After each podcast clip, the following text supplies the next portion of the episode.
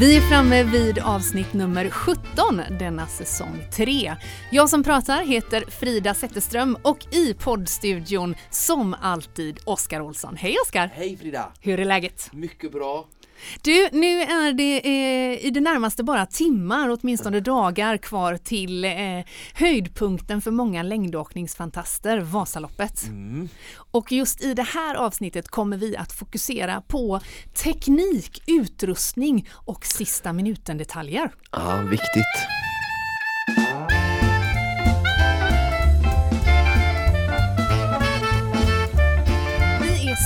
Glada att ha med våran poddpartner Storytel ombord hela den här säsongen. Och en bra grej med Storytel det är ju att man kan lyssna på både e-böcker och ta del av e eh, eller man kan lyssna på ljudböcker och ta del av e-böcker. Vet du vad skillnaden mellan ljudbok och e-bok är? Nej du. Nej, det visste faktiskt inte jag heller förut. Men ljudbok, det är ju som det låter en bok man lyssnar på på storytel.com. Men en e-bok, den läser du på din eh, Platta. läsplatta eller telefon. Eh, och det finns då över 120 000 titlar på storytel.com och du som Konditionspodden-lyssnare, du har ett specialerbjudande just nu. Om du klickar in på storytel.com konditionspodden så får du 30 dagar fri tillgång. Är det så att man har e-böcker också här alltså? Jajamän! Hur känner du som eh, lyssnar och läser så mycket böcker? Vad, vad, eh, vad är, skulle du hellre vilja göra en e-bok, alltså läsa, än att lyssna eller? Ja men det, det, jag har faktiskt brottats lite med det. Ja. För det är ju ändå så att, att lyssna på böcker det är något helt annat. Och det här har ju du och jag pratat mycket om, att man kan göra andra saker samtidigt. Kanske köra bil på väg upp till Vasaloppet, Mm. Ah, kanske vara ute på ett långlopp eller Mm, liknande. Eh, det är ju fantastiskt att då kunna lyssna på en bok. Men det finns ju något härligt med att läsa. Och Ah. då är ju eh, e-boken eh, ett väldigt bra alternativ. Vissa av de här titlarna kan man faktiskt också växla mellan e-bok och ljudbok. Ja det är coolt, så kan man läsa först sen bara, "Nej, nu hann jag inte slutföra så jag tar det, bilen. Mm. Så kan det vara på vissa. Smart! Smart, tack för det Storytel. Och vi har ju ytterligare en poddpartner den här säsongen och det är ju Asics. Och Oskar, du brukar ju ofta prata om vikten att hitta motivation för träning och att man ofta kan göra det i gemenskap. Ja, commu- community är ju viktigt alltså. Och där är ju vi i Konditionspodden ett sådant forum, men Asics har faktiskt också ett sådant. De kallar det för Frontrunners. Och om man eh, söker upp Asics Frontrunners så kan man ansöka. Och där får man då, genom att vara med bland de här Frontrunners, så får man tillgång till en eh, massa olika eh, saker, bland annat själva communityt då såklart. Peppa varandra, träningsinfo Skor och kläder. skor och kläder, tillgång till eh, startplatser i olika race Jajamän. Och massor av inspiration. Vad skulle du säga att det betyder att hitta ett sånt där community som eh, Nej men det är ju allt, eh, du ser ju bara hur det går för podd-Niklas, han har ju O2 som sitt community där han hänger och håller uppe träningskontinuiteten så att eh, det är ju A och O har vi sett. mer av producent Niklas träningsvecka alldeles strax. Men missa alltså inte att ansöka till Asics Frontrunners om du blir lite sugen på en eh, träningsgemenskap. In och sök bara.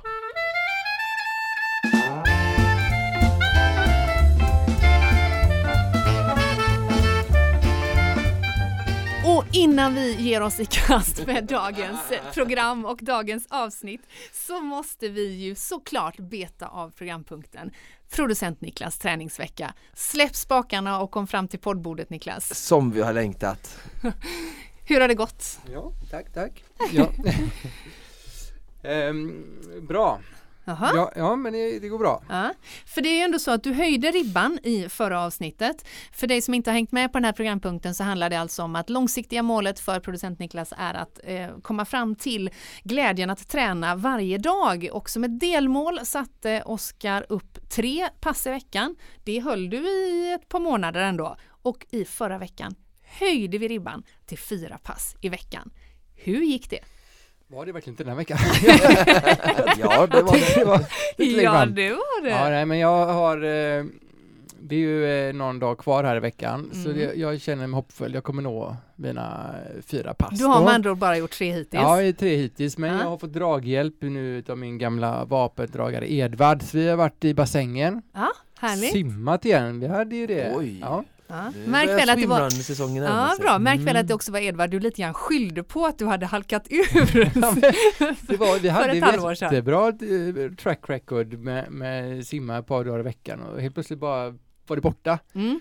Ja, men nu är även Edvard tillbaks i bassängen och det är bra draghjälp. Bra, så ett simpass. Ett simpass, eh, Oskars stakpass, Mm. eh, Moas styrkepass. Oj, oj, oj, Ja. det blev tre där ändå. Mm, ja, visst, och, och dessutom, jag sa ju förra gången att jag var väldigt sugen på gymmet där då, men Ja. jag har fortfarande inte kommit till ett gym. Nej, just det. Men Ja. jag hittade eh, ett gammalt corepass utav Oskar Olsson. Okej, Ja, var han- hittar du det någonstans i en Jo, byrålåda? ja, men- Youtube. På, det ligger på Youtube. Nej, skojar Jo, du? det är sant. Alltså, Jag har haft en Youtube-karriär en gång i tiden. Okej! Oskar är youtuber. Ja. Jag ska dela detta i, i våra kanaler. Nej. Det är fantastiskt roligt. Ett core-pass med Oskar Olsson på Youtube. Mm, han hade en eh, devis, han hjälpte ju mig och, och eh, Joakim där när vi Göra Iron Man. skulle göra Iron Man. Ja. Ja, och då eh, dokumenterade jag Joakim mycket av våran resa. Ett av de mest tittade eh, klippen där är ju när Joakim ramlar med sin trainer i, in i sitt Alltså det, jag kontor. dör, det får jag inte titta på någon gång. Vi får det sån after work i Konditionspodden, ska vi titta på det. Det är så många skelett som trillar ut i garderoben känner jag. Det är Ja, det, är, underbart. en- det är en viral succé. Men detta corepass eh, Ja. dammade jag av. Och, Okej. eh, ja, så jag är fortfarande inte tillbaka på gymmet, men jag har kört Oskars corepass då. Om man Ah. nu som Konditionspodden-lyssnare blir nyfiken på att eh, ta del av detta, vad ska man söka på? Ja, men jag delar det i våra kanaler. Ja, det låter bra det. Håll utkik efter Oskars eh, eh, konditionspad. Tack så mycket! Tack, tack. För några veckor sedan så gästades vi ut av eh, skidlegenden får man ändå säga va? Ja, verkligen. Mattias Svan. I avsnitt 6 den här säsong 3 så fick vi höra mycket utav upplägget inför Vasaloppet på lite längre sikt. Men vi passade också på att eh, eh, pumpa honom på lite detaljer om material och teknik.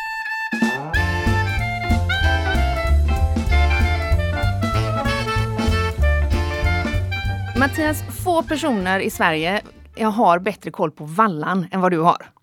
Tack! Var började den här passionen? Eh, ja, det började i ett eh, mångårigt satsning på längdåkning och man vallade mycket själv och man, eh, ja, efter sin karriär så slutade aldrig intresset riktigt. Är det så mytomspunnet och, och liksom mystiskt som det verkar? Ja. Nej, man vill ju hålla uppe den genren. Det är faktiskt, man ska se så många yrken, man ska hålla det så enkelt som möjligt och det är klart att det för en väldigt färsk skidåkare som ska, du ser alla vallor, alla grejer, fatta glidet, ska det, vart ska det vara liksom, Mm. vilken sida av skidan nästan. Nej men det är väldigt mycket info för den men har man åkt en del och så, så kan bena ut det här så ska man hålla sig med ett fåtal fästval och ett fåtal glidvall och lära sig dem när, de, när, de, när man använder dem. Valla säkert helt enkelt. Mm. Valla säkert helt enkelt. Mm. Hur mycket vallning kan du Oskar? Alldeles för lite. Du har en Mattias? Ja. Ja, det är fantastiskt. Du Mattias, du är en av sex eh, Vasaloppscoacher i Sverige. Eh, du befinner dig mitt i, i eh, högsäsong. Eh, kläder och teknik eller utrustning, hur viktigt, hur avgörande är det för slutresultat om man ska ge sig på Vasaloppet? Ja, det är väldigt eh, viktigt, det är det ju. Både att, att klä sig rätt och, och, och tekniken. Tekniken är ju helt avgörande skulle jag säga för att få ut din kraft, det du har tränat hela året, få ut det i skidor och stavar. Mm. Det är många som är frustrerade vet att man är mycket mer vältränad än person man åker bredvid. Kan vara både äldre och 20 kilo eh, tyngre, men den åker samma fart som mig. Vad är felet? Den har man sett. Ja. Och vi hade ju ett helt program tidigare eh, i höstas om eh, uppladdning och träning. Förhoppningsvis har du som lyssnat följt det här träningsschemat och är nu i ditt livsform och kan nu slipa på detaljerna i form av utrustning och kläder. Mattias, det måste ändå vara ganska svårt att planera tänker jag. Förra året så hörde jag ryktesvägen, jag var inte där själv, men att det var minus 20 eh, vid starten. Det är rätt kallt är rätt när man står och kallt. väntar. Hur Helt planerar man då med, med kläder och, och sådär? Ja, det var ett extremt eh, kallt år i fjol, i alla fall eh, ena öppna spåret. Det var riktigt, riktigt kallt. Eh, och det är lätt att man klär sig riktigt, man bylsar på sig riktigt, Mm. riktigt mycket. Eh, I det fallet så förstår jag att man har eh, en extra väst, eh, extra handskar, extra om för fötterna. Men det vanligaste generellt sett, det vanligaste tabben är att man klär sig för varmt. Ska jag vilja säga. Mm. Kanske inte den gången, då, då får man ta Ska jag säga minus 20, då är det ett underställ, man har en jacka, man kanske, kanske två underställ, en jacka eh, och en väst. Man kanske har tre till fyra lager, beror på hur, hur om man är elit eller inte då, Mm. om man säger så. Eh, en, en elitåkare hade säkert bara ett eh, underställ och en, en tävlingsdräkt, så han Just hade det. två lager. Så det beror på hur, hur van skidåkare man är. Mm. Men, eh, men va, vanligtvis så är det för mycket kläder som är. Att du, du ska alltid frysa lite grann på en startlinje. För sen, sen när du kommer igång så, så är det... Om man har, om det är 8 till 10 minus som det brukar ändå vara hyfsat oftast, vad, vad rekommenderar du då? Ja, ett, ett underställ och en, en jacka är vanligtvis att det är en, en tunnare jacka som man har. Det är, det är normalt klädsel för, även för motionär. Man ska inte ha den där fleecevästen eller extra t-shirt på eller ja, två lager ungefär. Jag noterar ofta, eller ofta, men någon gång när jag varit där, att jag tycker det är relativt lite av motionären som har tävlingsdräkter. Om vi kollar på till exempel swimrun eller på triathlon så brukar eh, motionärerna, om jag får kalla dem för det då, efterapa oss som är Mm. lite mer vana då. Varför är det inte så i skididrotten och skulle du rekommendera att våra lyssnare och mer motionärer ehm, eh, har, alltså tittar mer på eliten? Ja, det är som du säger, det är väldigt få som har en tävlingsdräkt. Det är klart att det är allt, jag vet inte om det är att det är väldigt eh, avslöjande kroppsformen eller det är ju det är ju som en riktigt... Mm. Eh, är Vi ute- tänker bara prestation nu. Ja, bara prestation. ja. Nej, men det finns ju ganska tajta eh, jackor om man säger så. Numera väldigt figursydda och så, så är det inte så jättestor skillnad, men jag tror inte man förlorar något mycket på det. Det är vad man känner sig mest bekväm i. Det som man vill, det som inte tävlingsdräkten har, det är att ha inget vindavvisande material. Det kan, för en motionär kan vara ganska skönt att du har en ett vindavvisande material i den jackan. Då får du Mm. bort mycket kyla liksom. Och att det inte är så mycket tjockare än tävlingsdräkten men det är vindavvisande. Det är en fördel. Men det, du tror inte att det är historia och kultur som gör att man har man på sig en tävlingsdräkt inom skid, längdskidåkning så är man minsann Ja, nu så kan det vara. Det är få som, jag menar det är 40% nya åkare mer eller mindre på Vasaloppet varje Ja. år. Och det är klart att har man inte dratt runt i en sån här spandexdräkt hela dagarna så kanske man känner sig helt eh, bekväm i den utan det känns en jacka och det är bara tävlingsfolk som har den tajta dräkten. Det tror jag som du säger Frida, att det kan vara en del där. Eh, om vi tittar lite grann på eh, utrustningen, eh, själva kärnan i utrustningen, skidorna. Mm. Eh, vad, vad, vad befinner vi oss eh, 2019 i, i eh, teknikutvecklingen? Eh, det, ju, det går ju framåt varje år, men eh, skidor görs en och en på, eh, på fabrikerna. De görs alltså, den kan inte, 2019 kan man inte göra två stycken exakt likadana Mm. skidor. Man parar ihop skidorna när de har blivit eh, en och en av de som är mest lika i spannkonstruktionen blir ett par och sätter Mm. samma serienummer på dem. Så det är ju inte NASA riktigt. Eh, Det låter, många tror att det är inte sant, men så är det. Så man, eh, ingen skida är den andra lik riktigt. Men nu gäller det att ha någon som har koll. Gå till en Vasaloppscentra eller Vasaloppsbutik, någon som har koll på att plocka skidor. För 70% av hur skidan kommer gå, det avgörs redan i hur bra spannet är för dig. Mm. Om du är ny åkare, har du bra eller dålig kondition, var så ärlig som möjligt mot den som plockar ut skidorna. Du måste Ljug inte om din vikt. Just det. Ljug inte om din vikt, det får du göra på andra ställen, men inte där. Eh, Det är inte bra. Så att, eh, nej, men det, det avgörs väldigt mycket i det. Sen så kan man ju göra mm, sista procenten gör man med en struktur och vallning och få till det riktigt bra. Självklart är man riktigt usel och valla så kan man eh, ja, förstöra ett ett bra skidpar också. Så, Mm. så är det. Vad innebär struktur? Eh, det är ett mönster i skidan kan man säga som leder bort vattnet. Eh, man ska ha lagom mängd vatten kan man säga. Skida mot snö blir vattenfilm. Så man blir som ett smörjmedel ungefär, så man glider eh, på det. Då. Så det gäller att ha lagom mängd vatten under skidan. Som, eh, är det blött, då är det jättemycket vatten i snön. Då måste man ha grov struktur. Är det torrt och kallt ute, då har man jättefin struktur. För då är, då, då är det inte så mycket vatten i, i snön. Så det här ändrar man då beroende på vilket före det är? Kan man ändra strukturen då? Ja, eh, enklast för en motionär är att ha ett rilljärn, alltså man har ett, eh, ett verktyg som man gör mer mönster i. Eller också stenslipar man skidan. Men eh, har man som motionär ett eller två par skidor så gör man inte det jättesnabbt. Då gör man det genom så här verktyget istället. Eliten har ju väldigt många skidor för olika fören. Gör du sånt här också som valla eh, coach Ja, eller valla struktur gör jag. Mm, ja. Mm. Mm. Okej, det var skidorna. Mm. Hur är det med det man håller i händerna? Stavarna? Stavarna. Ja. Behöver man dem? Ja, precis. Eller kan man ta med sig sin stavmaskin? Ja, många säger liksom, behöver jag det? Och det gäller dyrare valla och sådär också. Behöver jag det? Ja, det är klart att det går lättare vem som helst. När en nybörjare, en elitåkare så glider man bättre ut för en backe eller det håller längre. Mm. De här dyrare vallarna. Så är det. Sen om man tycker att det är värt det, det är en annan fråga liksom. Men Ja. det är bättre för alla. Mm. Och likadant med stavar. Det bästa tipset jag har, vill man inte vill man inte kasta ut, eller kasta ut, det tycker inte vi konditionsfolk, investera, Mm. i en stav för 2 500 till 3 000 kronor, en karbonstav. Mm. Bästa tipset, prova den aldrig. Nej. För du kommer köpa Ah, den. ja, ja, ja, just det. Don't go there, Nej. you won't go back. Nej, precis. Men en, även en, en relativt nybörjare, märker man om man lägger vikt på stavarna, då svajar de väldigt mycket, de billigare stavarna. Mm. Går upp en tusenlapp kanske, så är de betydligt styvare och du spar mer kraft helt enkelt. Mm, vad är det för stavar, Oskar? Eh, jag har inga.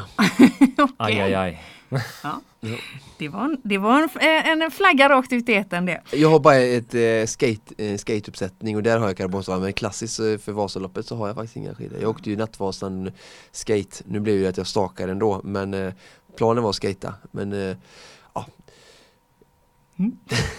Det är en annan historia. Eh, Nu för tiden så är ju Vasaloppet långt mer än ett traditionellt skidlopp. Bland annat finns ju Nattvasan.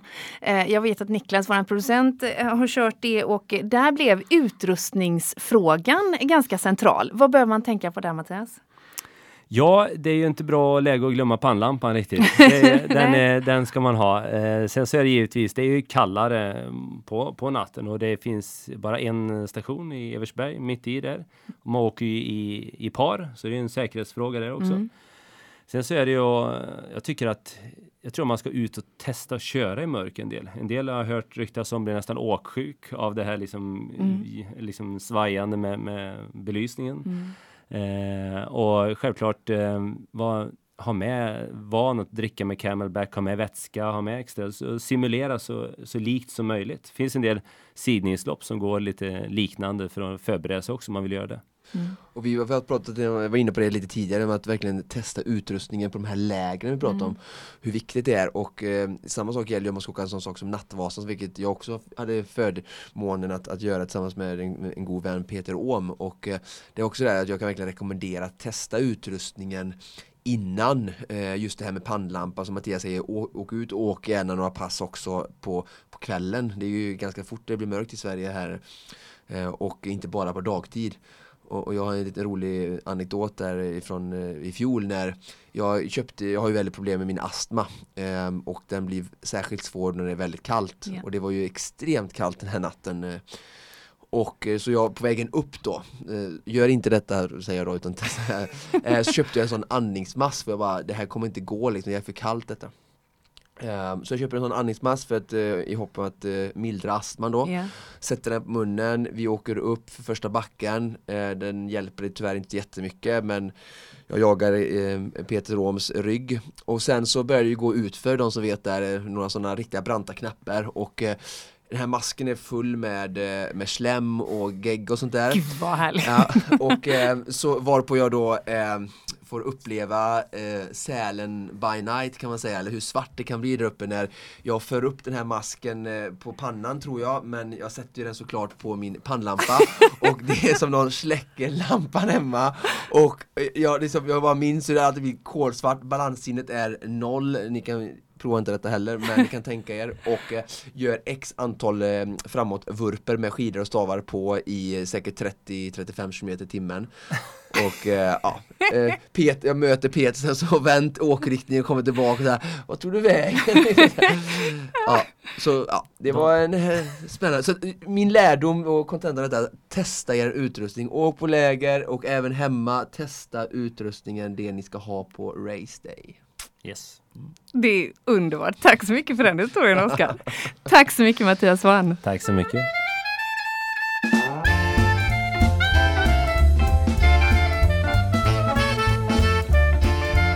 Nu har vi lämnat poddstudion och tagit oss ner på stan i Göteborg till en av de mest anrika skidbutikerna, nämligen Udens Sport. Här har vi riggat upp våra poddmikrofoner och vi får samtala med Erik Stjärndal som är, ja vad är din titel egentligen Erik? Ja, det är la rodda läng längdavdelningen, så eh, här på Udens och ja, längdskidsansvarig. Vikarierande. Rodda längdavdelningen ja. är ändå gott. Och du är ju vikarierande av den enkla anledningen att din kollega har ett annat ärofyllt uppdrag just nu. Yes, han vallar för landslaget så att jag kommer vara här och rodda längdavdelningen i två säsonger nu så att eh, det är ett eh, väldigt ärofyllt uppdrag jag har framför mig. Men, eh, Verkligen! Kommer du sen att valla för landslaget? Eh, det tror jag inte, men nej det blir det inte men eh, vi får la se. Om man nu som av en händelse ska åka Vasaloppet i morgon eller kanske i övermorgon. Eh, man har tränat eh, så gott man har hunnit och mäktat med enligt Oskar Olssons alla tips via Konditionspoddens träningsprogram. Eh, och man har liksom gjort sina förberedelser men man skulle ju kunna investera det där lilla sista för att få ut det där lilla sista, det där som kommer att avgöra. Vad tycker du att man ska lägga sina pengar på då? Eh, energi eh, som eh, i form av eh, mat och så, så att du laddar upp bra så att du orkar med eh, hela loppet. Då. Uh, och uh, bra kläder så att du kan ha. Sen är det ju jätteviktigt att ha testat uh, grejer innan så sista minuten kanske är synd att ta med men jag vill ju ändå säga att stavar är en viktig del i, i, i åkningen. Så att den, har, har du bra, bra stavar och, så, och lätta stavar så, så kan det ju liksom hjälpa till en hel del. Eh, men sen, eh, man måste ha testat stavarna innan man åker givetvis för att känna så att man inte får blåser och, och att det är rätt längd och sådär på staven. Så, så att, eh, och rätt styvhet också då. Så att, eh. Ser du några trender vad som har varit extra populärt eh, vintern 2018-2019 eller ser du trendsvängningar generellt i material materialsporten längdåkning? Ja men jag får säga det att eh, de flesta vet mer vad de vill ha i skidväg då framförallt att många kommer in och vill ha skinskidor mm. och det är svårt att övertala dem till något annat. Utan det utan det många kommer in och säger att de vill ha skin så det är den stora trenden i år som som är skillnad då. Det lät som om du ville övertala dem till att ha något annat. Har du en preferens? Eh, nej men skinskidor är ju bra på sitt sätt och eh, vallningsbara skidor är bra på sitt sätt. Men det handlar ju med åknivå och allting och mm. eh, Eh, skinskidor funkar ju jättebra för den som inte har så bra kunskaper till att valla. Eh, och du slipper ju valla fäste på när du har skinskidor men du behöver ju ändå valla glid så som du gör. Men det är inte lika omständigt. För... Alltså, man behöver man valla, de kanske inte heller behöver valla eh, glid lika ofta som de skulle behöva valla fäste. Eh, nej precis, det är det som gör att det blir lite enklare och eh, just med skinskinn att du behöver inte valla lika ofta. Eh, men, men glidet måste du ändå Absolut. sköta om så.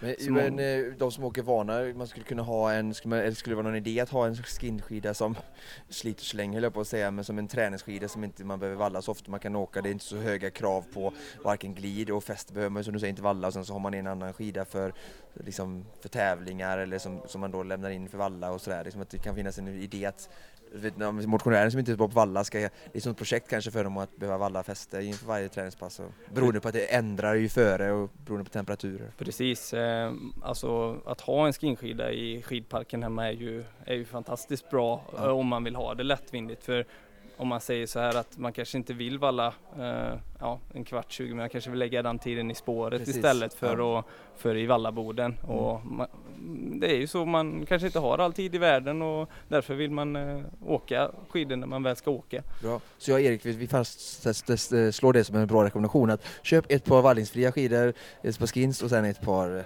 vanliga vallnings skidor så har du det du behöver. Jag lyssnar och antecknar och min skidpark där hemma den bara växer och växer och växer. Materialsport, det är det det är. Det är Men stavarna var vi inne på lite där, jag tycker också det är intressant att säga det, jag vet inte motionärerna kanske har slått det, det har varit en stor snackis i, i eliten och sådär men det finns ju nu också en bestämd längd Vill du berätta Mm. om det? Eh, Det finns ju en siffra. som- Ja, det finns ju rekommendationer eh, och det finns ju även regler. Ja, Eh, Även för motionären? Eh, det beror på om du ska åka Vasaloppet så finns ju även regler. Ja, eh, för precis. man kan ju få tidstillägg eller sådär straff och så. Mm. om, Om man har vad då? För långa stavar. Ah. Det är begränsat nu för tiden. Erik kan få berätta. Ja, det är ju baserat på ja, längden så man tar ju 83% av längden när man har utrustning på sig och det är uppmätt till eh, infästningen då. Så att 83 83 procent av sin egen, längd ja. sin egen längd. I pjäxor då. i pjäxor, Mm. utrustning på. Så långa stavar får man ha annars får man tidstillägg. Ja. Kan, Notera! kan vara tidstillägg, jag vet inte riktigt om hur, hur de har gjort Hårdare. men, eh, men eh, hur hårda Man de vill ju följa alla regler, eller hur Ja. Frida? Såklart att man Såklart vill. Vi har förflyttat oss bort in i butiken till vad man skulle kunna tro var mer mina domäner, det vill säga klädavdelningen. Men jag vågar faktiskt inte säga att jag är helt hemma eller bekväm här. Eh, var befinner vi oss, Oskar? Eh, vi befinner oss bland eh, massa skidkläder, vad ser det ut som eh, att vara. Och eh, du pratar om sista minuten-tips. Och mitt starka sista minuten-tips är att eh, om man har skidor och stavar och allting som du sa, så är det att eh, införskaffa rätt kläder och utrustning som är lämpade för skidåkning och då just Vasaloppet som eh, står runt hörnet nu. Och eh, mitt tips skulle vara Eh, ett underställ, skidbyxa, skidjacka och sen de här populära som jag tycker om, här vantöverdragen för att verkligen slippa frysa. Men Erik kanske kan berätta lite mer vad det är vi ser här, vad som han tycker är viktigt att tänka på.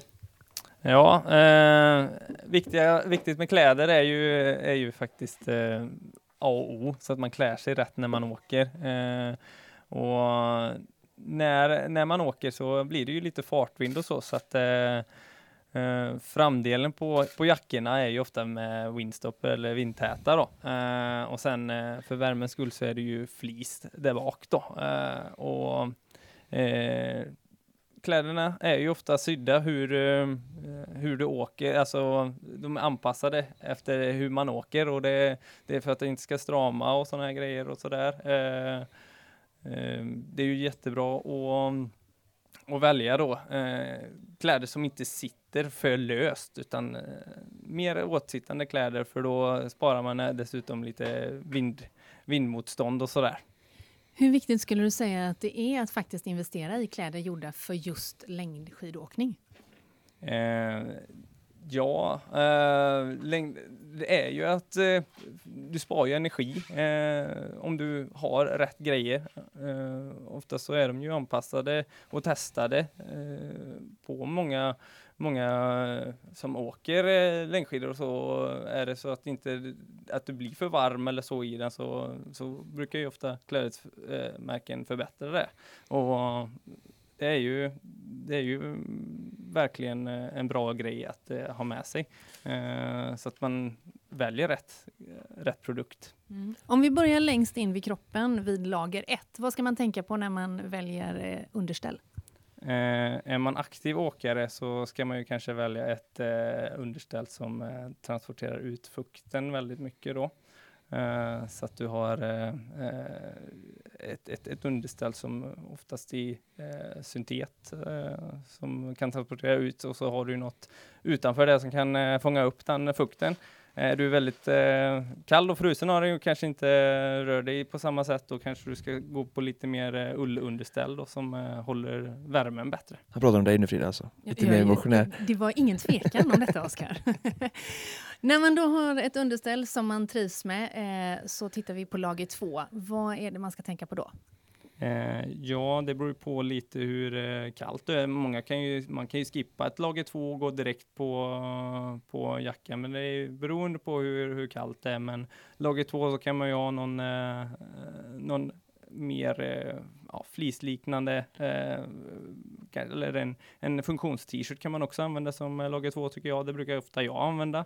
Eh, eh, men eh, är det väldigt kallt så kanske man eh, dra på sig en, eh, en bra som, som man håller värmen då. Eh, att, eh, Eftersom man jobbar med, eftersom man jobbar med överkroppen hela tiden och stakar så tycker jag det är bra att använda en typ av väst för det gör att man får mer rörlighet än att man en del kanske har liksom två jackor eller två tröjor på att det kan liksom bli för mycket stramande för axlarna.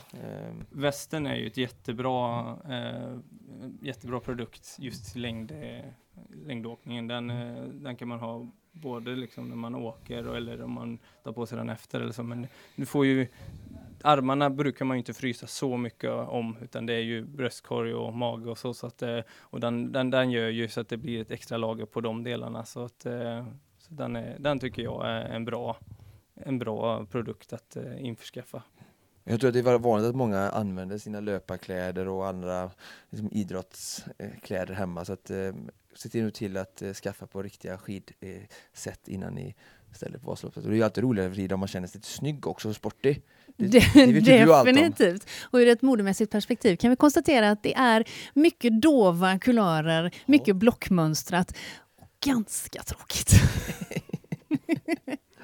Bra, eh, jag, jag, tänker, jag ser också att ni har ett sån här överdrag och eh, Mattias var lite inne på det och du också Frida, att förra året var det ju extremt kallt. Mm. Vad finns det för eh, möjligheter och alternativ för att hålla fötterna varma Erik? För att man vill, det är ju väldigt lätt de fryser för de är inte så, alltid så aktiva under ett Vasalopp. Damaskliknande är det vi tittar på nu. Ja, det är ju over, overboot eller skoöverdrag till eh, skorna och det anpassar ju efter, man testar ju skon, eh, skon med själva överdraget så att den, inte blir för eh, pösigt så att säga. Det. Eh, och det är ju så, de, de mer racigare skorna eller de, de skorna de har ju inte har ju inte så mycket foder i sig så Nej. därför när det blir så kallt, det är därför man behöver en, eh, en eh, översko då, eller overboot eh, så att man håller värmen bättre.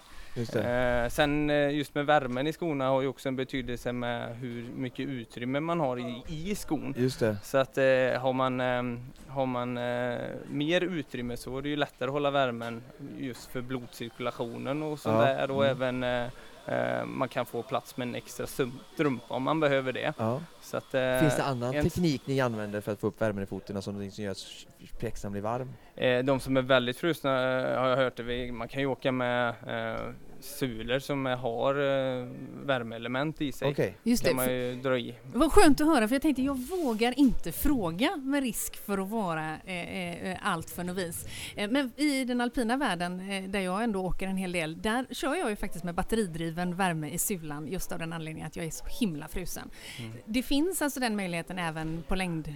Eh, ja, det finns, eh, men man får ju tänka på att det är ett batteripack som man behöver eh, ha, hålla Mm. reda på. Det kan bli lite bökigt och, ja, och hålla reda på den, eh, för man vill ju inte att det ska vara grejer i vägen och så när man åker. Så att, eh, Rekommend- men, eh, Rekommenderar du motionären istället att köpa en lite för stor pjäxa då och få plats med en dubbel socka Ja, som är bättre? Ja. det skulle jag säga. Det är ju inte löpning vi håller på med så det är Nej. inte lika viktigt att den sitter smäckt på för Nej. motionären liksom. Så att eh, välj en lite större pjäxa då i sådana fall om det är väldigt frusen. Och så eh, eh, om det är så att du åker när det är eh, varmare förhållanden då kan du, kan du lägga i en extra sula då i sådana Mm. fall. Så att du kan ju reglera skon på det sättet. Ja. Det är bättre med en för stor sko än för en liten sko för det är för tajt och för liten då får du ingen blodcirkulation och då kommer du frysa. Det är dåligt. Och det gillar vi inte. Avslutningsvis, vi är framme vid detaljerna som icke ska förglömmas. Vi står vid ett ställe med en mängd olika handskar. Erik, vad är det som skiljer de här olika handskarna åt? Eh, ja, det är olika märken och sånt och de satsar ju på olika grejer i, eh, i bland eh, handskarna. Det är ju, alltså, handskar väljer man ju ofta hur, eh, hur kall och frusen man är. Eh, så är man frusen och har dålig blodcirkulation så är det ju att rekommendera att gå på en varmare handske. Eh, men eh, generellt sett så är det ju bra att gå på en handske som har lite windstopper fram till för, då, för det är ju mycket vind i, i, eh, i spåren så att eh, då håller man värmen bättre. Eh, sen finns det ju dessutom eh, handskar som har, eller en, ett överdrag så som du kan ha eh, och eh, använda utanpå handsken som är väldigt bra att ha innan start eller under loppets gång med. Ja, två Jag, kan vi jag, säga. exakt, jag har ju fått eh, ett par sådana i min hand här. Eh, lite Kalle varning känner jag på dem faktiskt. Eh, eh, stora eh, tumvantar med rejäla eh, kardborreöppning. Eh, om jag nu har dem då när jag står och väntar på starten, vad gör jag av dem sen?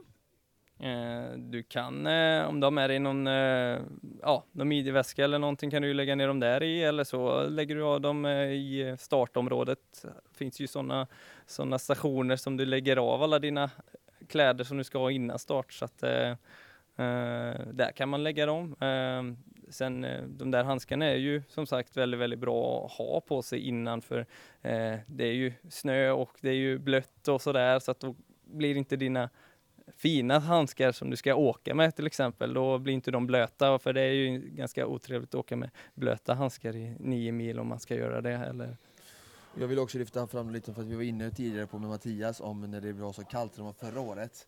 Och då tror jag inte man vill ta, är det 20 minus eller mer så vill man inte ta sig dem någon gång förrän man kommer till Mora. Och då är det väldigt bra liksom, komplement och väldigt bra livlina att ha med sig överhuvudtaget i sin skidpark som du sa, eller sin utrustningspark då för anpassat för skidåkning. Och återigen här så tror jag det är vanligt att människor kan få för sig att ställa sig i, i, i Vasaloppsstarten med både slalomvantar eller sina löparvantar som inte är gjorda för det. Men det här är verkligen en, en sak som jag vill lyfta fram i till längdskidåkningssportens utrustning som för just klara kyla. Mm. Och vant, eh, händer är någonting som är väldigt lätt att frysa om för de är inte så aktiva när vi åker skidor och det är väldigt hemskt att åka nio mil och frysa om händerna. Så de är väldigt bra och du, du, motionären stannar ju Frida vet, vid kontrollerna. Så mm. att kommer man till Smågan eller sen till Mångsboden eller till Risberg så kan man bara innan man tar sin blåbärssoppa ta av dem, stoppa ner dem i fickan och sen fortsätta åka hur enkelt och smidigt som helst. Erik, i modevärlden där jag i vanliga fall är verksam är den här väldigt, väldigt het. Jag pekar upp mot magväskan som var het på 80 och 90-talet. Som en modedetalj är nämligen den klassiska bananväskan tillbaka igen. Jag misstänker att i längdåkningens värld har den aldrig lämnat, eller? Nej, midjeväskan finns kvar där, eh, gör den. Och, eh, fast du har den inte på magen utan du har ju den på ryggen istället för att inte den ska vara i vägen när du stakar. Det blir eh, lite bökigt att ha en, eh, eh eftersom du går ihop när du stakar så får du ha, eh, ha den på ryggen istället. Då. Men eh, den är ju väldigt bra för då kan du ta med dig lite extra energi om du behöver det eller eh, extra vantar och sånt där. Eh, så att du behöver ju ha lite lite grejer med dig på under resans gång. Så att. Sen eh, till skillnad från en camelbag, vi var ju inne på det lite jag och Mattias innan här med att testa utrustningen. Mm. Eh, och eh, det är också, jag kan tänka mig att det är många som inte är vana med att dricka ur en just sån här då, midjeväska som vi gäller att kalla nu. Så det är också någonting jag rekommenderar att eh, sista minuten tips här nu att eh, ge ut i spåret, stå på skidor, staka upp i, i farten och försöka att liksom, få av bältet och dricka med det till exempel i, i farten då man har liksom lite tidsambitioner. Annars kan man ju kanske drick, stanna och dricka då, men viktigt att gå ur spåret då om det inte är vid kontroll. Men jag, det jag vill komma fram till är att testa gärna den här vätskeanordningen eh, innan eh, start då. Eh, mm. Åker du själv Vasaloppet 2019? Eh, det gör jag inte. Jag har eh, för dåliga förberedelser inför det. Så att, eh, men jag har ju åkt tidigare år och, och jag känner att eh, ska jag åka så måste jag gå in för det helhjärtat så annars blir det för jobbigt. Tänk, det kändes nästan lite som att jag hade hört det där förut, ah. Oskar. Erik Sköndal från Udén Sport, tack så hemskt mycket för att vi fick besöka dig. Tack så mycket, det var roligt. Och Oskar, med det är Konditionspoddens avsnitt eh, slut för den här veckan. Mm. Vi önskar alla lyssnare som ska ut i Vasaloppsspåret lycka till. Stort lycka till. Tack för att du lyssnade. Som vanligt produceras Konditionspodden av Fredag. Connecting Brands with People.